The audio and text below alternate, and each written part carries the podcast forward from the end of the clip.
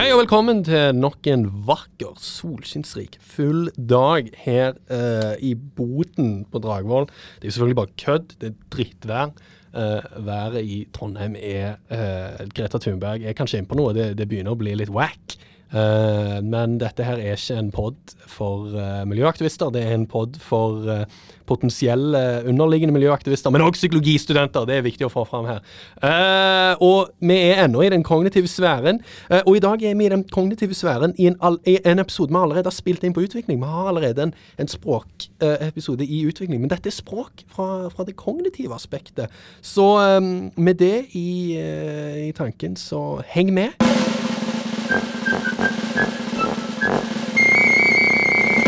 Ja, da eh, ser jeg at jeg har skrevet velkomstsaker her. Det betyr vel at jeg skal bare snakke litt drit i fem-seks sekunder for å få en glidende overgang til det som du skal snakke om, Andreas. Hva er det du skal ta Hvilken reise er det du skal ta oss med på i dag? Eller hvilke billetter har du kjøpt? Er det ungdomsbillett, eller er det førsteklassebillett? Student, faktisk. Ja, OK, studentbillett. Ja, men det er bra.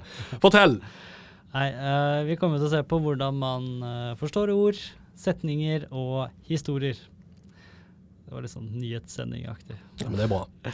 Det blir en del termer og kanskje litt nye konsepter, så her gjelder det å holde tunga rett i munnen.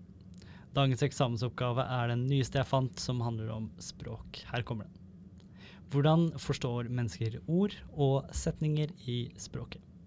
Dette omfatter ikke hele kapitlet, så dere må fortsatt titte på det som står igjen her.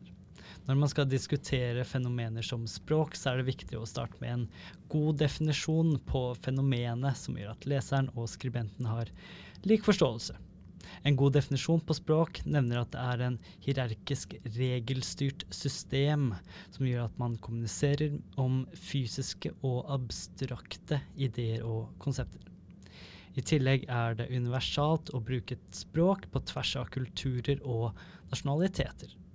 Sammenlignet med dyr så er språket vårt mer komplekst og har uendelig antall måter det kan konstrueres på.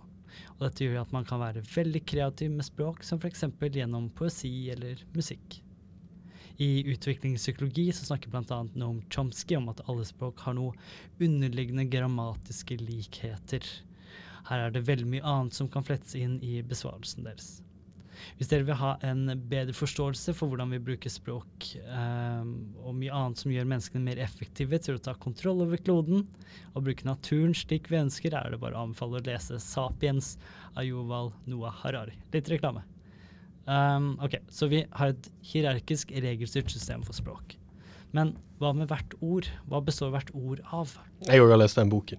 Bra Ja. bok. Eller jeg har lest Jeg har lest 299 sider av den boken, men den ligger på Kindle som en sånn der eh, Hvis jeg kjeder meg med noe annet, så åpner jeg, da åpner jeg den, tar et par kapitler her og der. Så jeg løy litt når jeg sa jeg har lest den helt ferdig. Jeg er snart i mål, men det er et strålende bok. Det er veldig bra greier.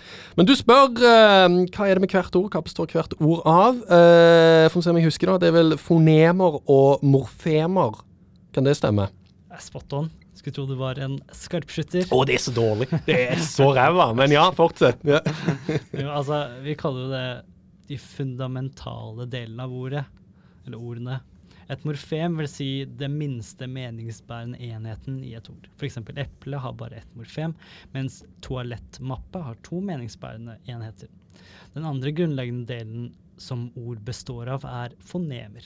Dvs. Si den minste lydsegmentet som kan endre betydningen av et ord. F.eks. hvis du sier dam, så er det D-lyden forskjellig fra T-lyden i tam. Her har man ulike fonemer. Hvert språk har veldig stort sprik i antall fonemer og morfemer. Nå vet vi hva ord består av, nemlig morfemer og fonemer. Men hvordan, kan man, hvordan blir det til setninger som påvirker hvert ord? Man har selvfølgelig funnet noen psykologiske effekter. Eh, Den første er, hold dere fast, fonemisk restaureringseffekt. Fonemisk vil si det minste lydsegmentet som endrer meningen. Og man så at hvis man spilte av en setning for deltakerne sammen med et host, mens et ord som manglet bokstaven S, i dette tilfellet ordet legislatus Jeg tror jeg uttalte det feil. Det ser bra, det. Ja, okay, ja. Så så man at deltakerne ikke klarte å høre at S-en manglet, selv hvis de visste at ordet manglet S. Dette tyder på at meningen som setningen gir, påvirker hvordan man oppfatter fonemer. OK, så det kan minne om en slags sånn uh, top down-prosessering, da. Ja, ja, helt riktig det. I tillegg har man sett hva som skjer hvis man tar opptak av deltakernes samtaler før et forsøk, og spiller av hvert enkeltord for dem etterpå. Da sliter de veldig med å identifisere hva ordet betyr. Og dette er fordi vi ofte snakker veldig sammenhengende. Og når du har en setning som hjelper deg med å tolke budskapet, så blir det mye lettere å forstå budskapet. Gir jo ganske mening. Ja, sterkt. Ja. Noen ganger så, når jeg blir bedt om å si noe en ekstra gang, så kan jeg bruke gestikulasjoner for å gjøre innholdet lettere å forstå. Uh, den samme jobben, altså med å skape kontekst, kan da gjøres med setninger. Andre eksempler på fordelen med kontekst for å tolke ord eller bokstaver, er det vi kaller for ord-overlegenhetseffekten, eller word superiority effect. Det skjer når deltakerne blir bedt om å så raskt som mulig identifisere om det de ser på inneholder en gitt bokstav. Det man fant, var at deltakerne var mye raskere til å identifisere bokstaver hvis det ble satt i et ord, heller enn alene. Altså, tulleord hjalp ikke, så det virker som at når du plasserer det du er ute etter i en kontekst som du er vant til å se, så går det mye lettere å oppdage det, selv om det er mer informasjon. Her kan det virke som om man bruker chunking, som gjør informasjon veldig tilgjengelig. Men uh, det har vel noe å si hvor vanlig det er at man bruker ordet, da, eventuelt. Ja, der er det også en forskjell. For uh, de ordene som er mer vanlige, altså mer frekvente i språket, så at de forekommer oftere, så oppdager man og prosesserer de raskere. Dette kaller vi for ordfrekvenseffekten. Vi bruker det vi kaller for leksikalsk beslutningsoppgave. Altså For så kan vi gi deltakerne to ulike lister, der den ene listen består av tulleord, og den andre av vanlige ord. Tvisten er at den ene listen har høyfrekvente ord, mens den andre listen har lavfrekvente ord. Resultatet er naturligvis at man går mye raskere gjennom listen som har høyfrekvente ord, fordi det går mye mindre tid å oppdage at det er et ekte ord, fordi man ser de så ofte. Eksamensoppgaven legger spesielt fokus på hvordan man forstår ord og setninger, altså vår tolkning av deres innhold. Dermed blir tolkningene veldig viktig. Noen ord tolker man oftere på én måte enn en annen. Da sier vi at det fins en meningsdominans. Enten så er det biased dominance, hvor en tolkning av ordet er mer vanlig enn en annen tolkning. Eller så er det balansert dominans. Eksempler på biased dominance kan være går, hvor det er mye vanligere å tolke det som at det, man skal noe, enn at det er en bondegård det er snakk om. Men andre ord som bor kan muligens være mer balansert, hvor man kan tolke det enten som spisebord eller et sted man bor. Her ser man en forskjell i prosesseringshastighet. Hvis setningen passer med den dominante måten å tolke ordet på, så prosesserer du det mye raskere enn hvis det er den som ikke er dominant, som er riktig tolkning. Nå er vi egentlig ferdig med hvordan ord blir forstått i seg selv, og nå skal vi se litt mer på hvordan vi tolker setninger i sin helhet. Her har vi vel to elementer som vi kan se på når man skal tolke setninger, hvis jeg husker noenlunde riktig. Ja, her treffer du jo bedre Treffer du bedre nå, så må jeg snart møte opp i skuddsikker vest. Okay. Og den, den, var dårlig. Det, jeg er glad for at du stoppet litt opp i den, faktisk. Det er den dårligste til nå, tror jeg. Ja.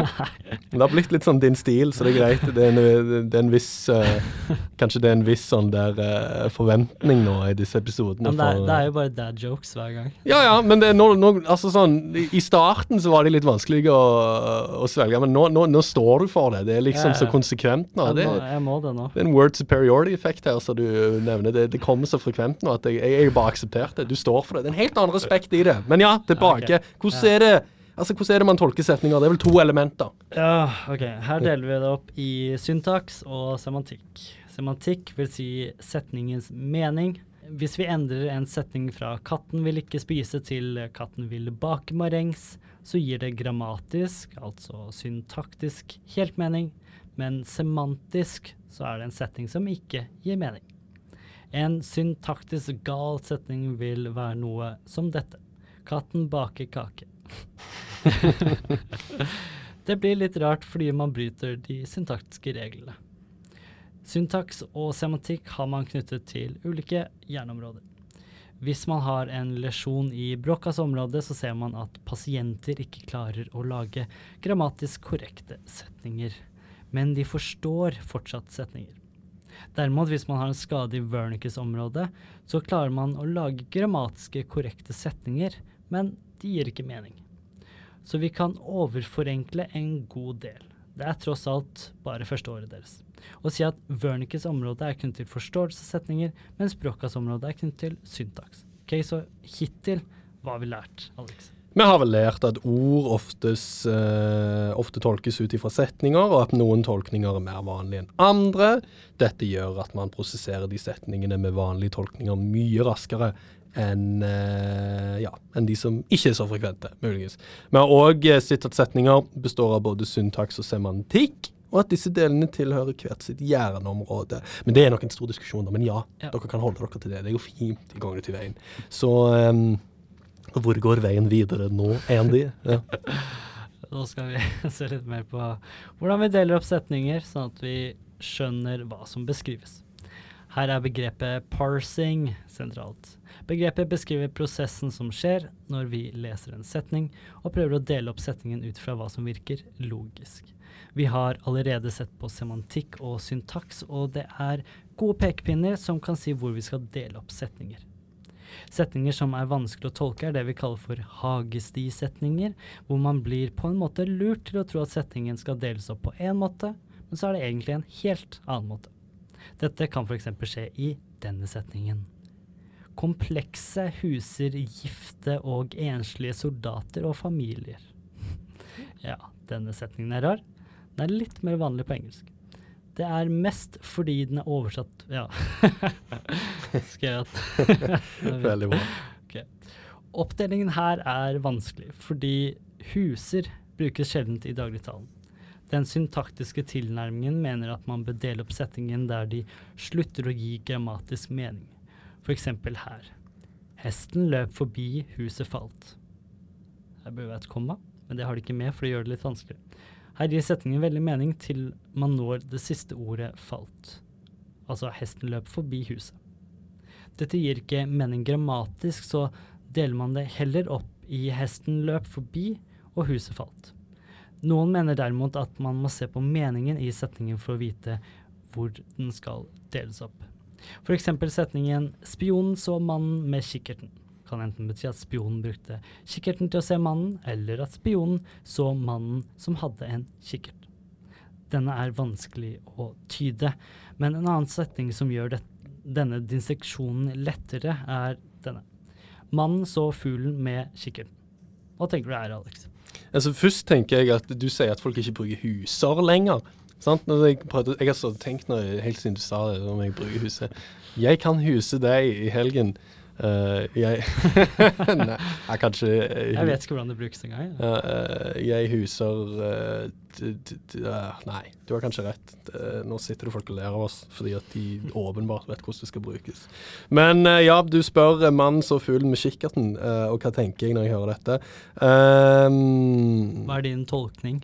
ja, jeg vil jo tro at det er mannen som eh, At det er mannen som ser fuglen med å bruke kikkerten, da. Mannen så fuglen med kikkerten, eh, og ikke omvendt. Eh, det hadde jo vært litt weird. Eller, ja, fuglen som mannen med kikkerten. Ja. Det hadde vært sterkt, da. Ja. Ikke umulig. Nei, har hørt sykere ting. Men eh, ja, hva tenker du? nå passer ikke den baren min like mye her, men like skarp som et A4-ark i dag. men, jeg, kan, jeg, kan skrive, jeg kan skrive innholdsfortellelse på den episoden. Kan jeg gjøre noe til drikkelek? Nei!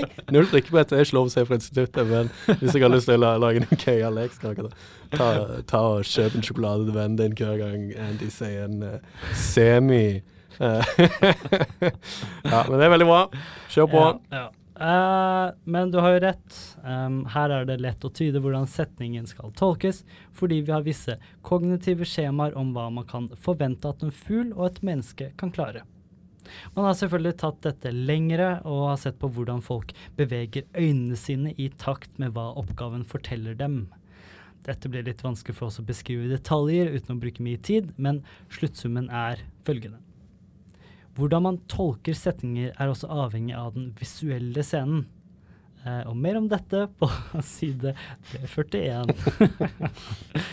men OK. Tenk f.eks. på en gang dere har prøvd å si noe til en venn, men uansett hvor mye du prøver, så skjønner du ikke hva de prøver å si. Du ga enten opp, eller så prøver du å gestikulere med armene eller med ansiktsbevegelser for å understreke det du prøver å si. Det skjermer meg hele veien, for folk ikke forstår Stavanger-dialekten min. Så da blir jeg egentlig sånn det jævla Mr. Bean-karakter som prøver å forklare det. Men ja, fortsett. Ja. Nei, altså Det blir en form for visuell hjelp som man kan gi andre når de skal tolke noe som blir sagt. Boka skriver litt mer om hva slags hjerneaktivitet man kan observere når setninger blir vanskelig å tolke. Men dette tror jeg er bedre at dere leser på selv. Det er bl.a. ERP. Uh, og det er ikke vanskelig, men uh, jeg tror ikke vi skal skremme dere så mye her og nå.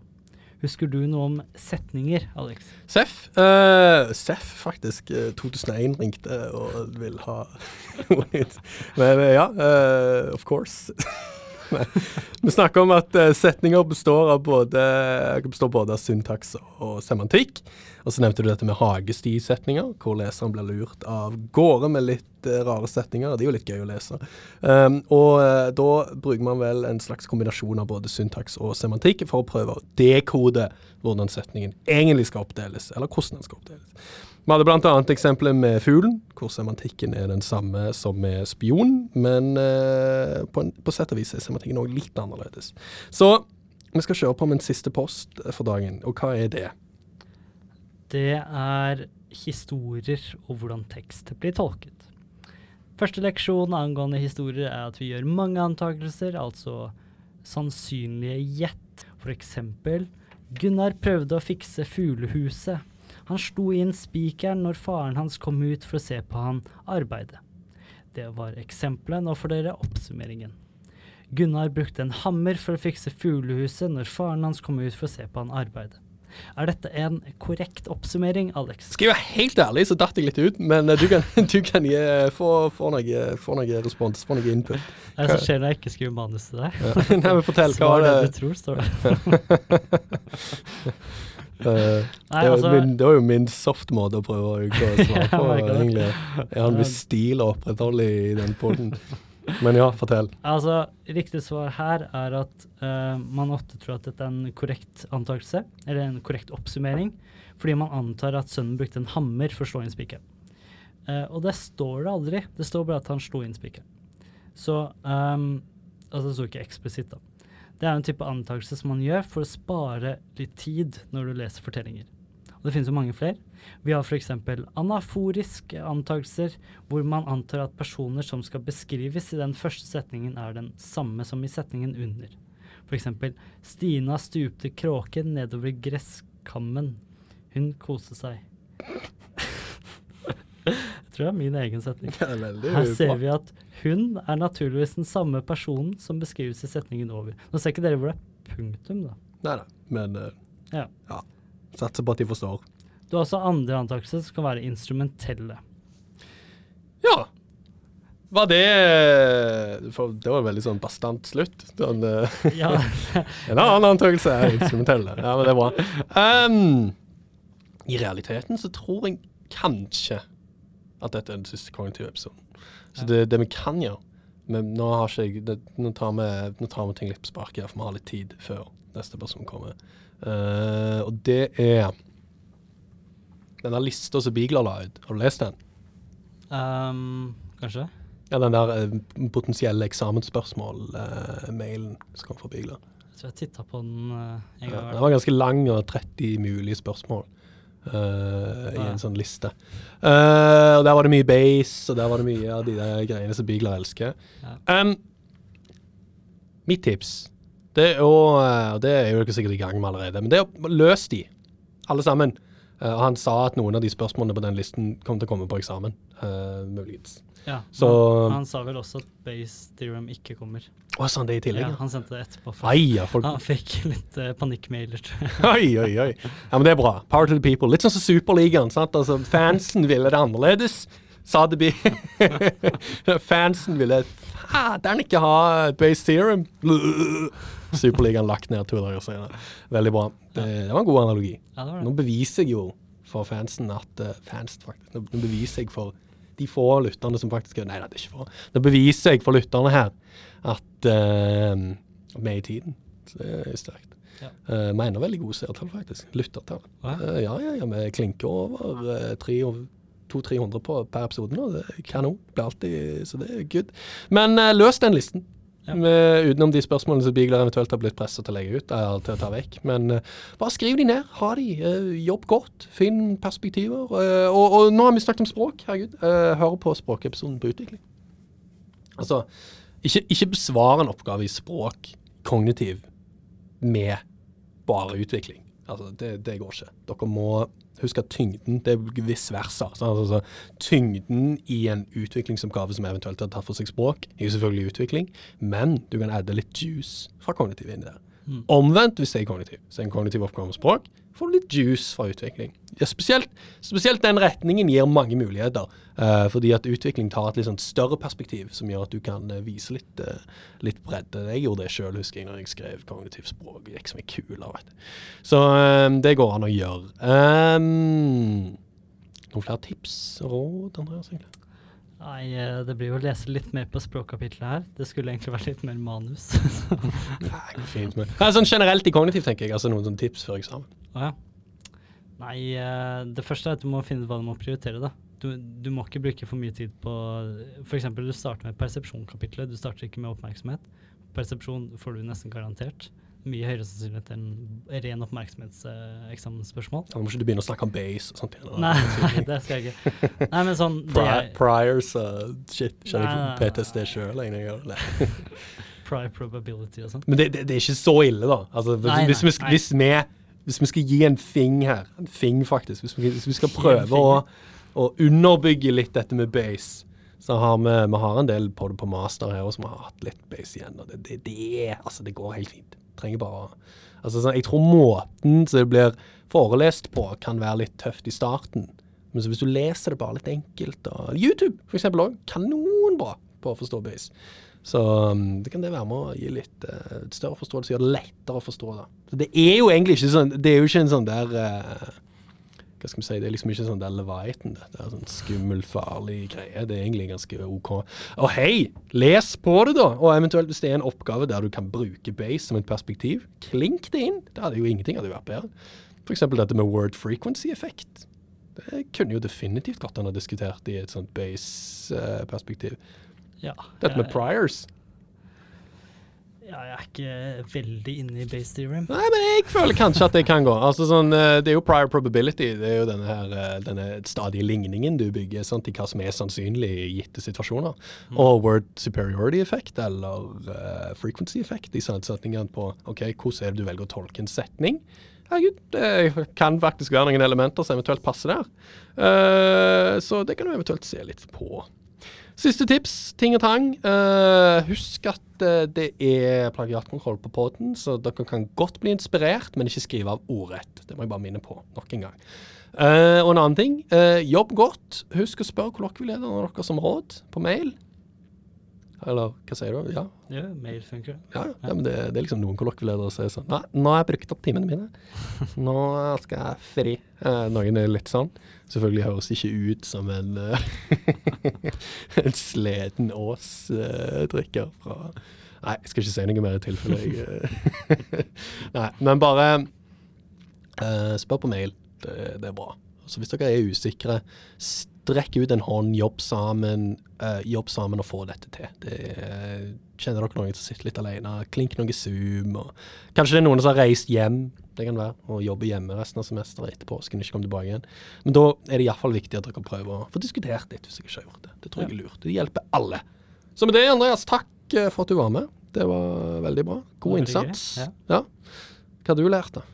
Um, det gidder ikke til. nei, eh, OK, folkens. Uh, med det jeg får ikke lov til å si noen ting. Blir slått rett ned. OK, så vi snakkes.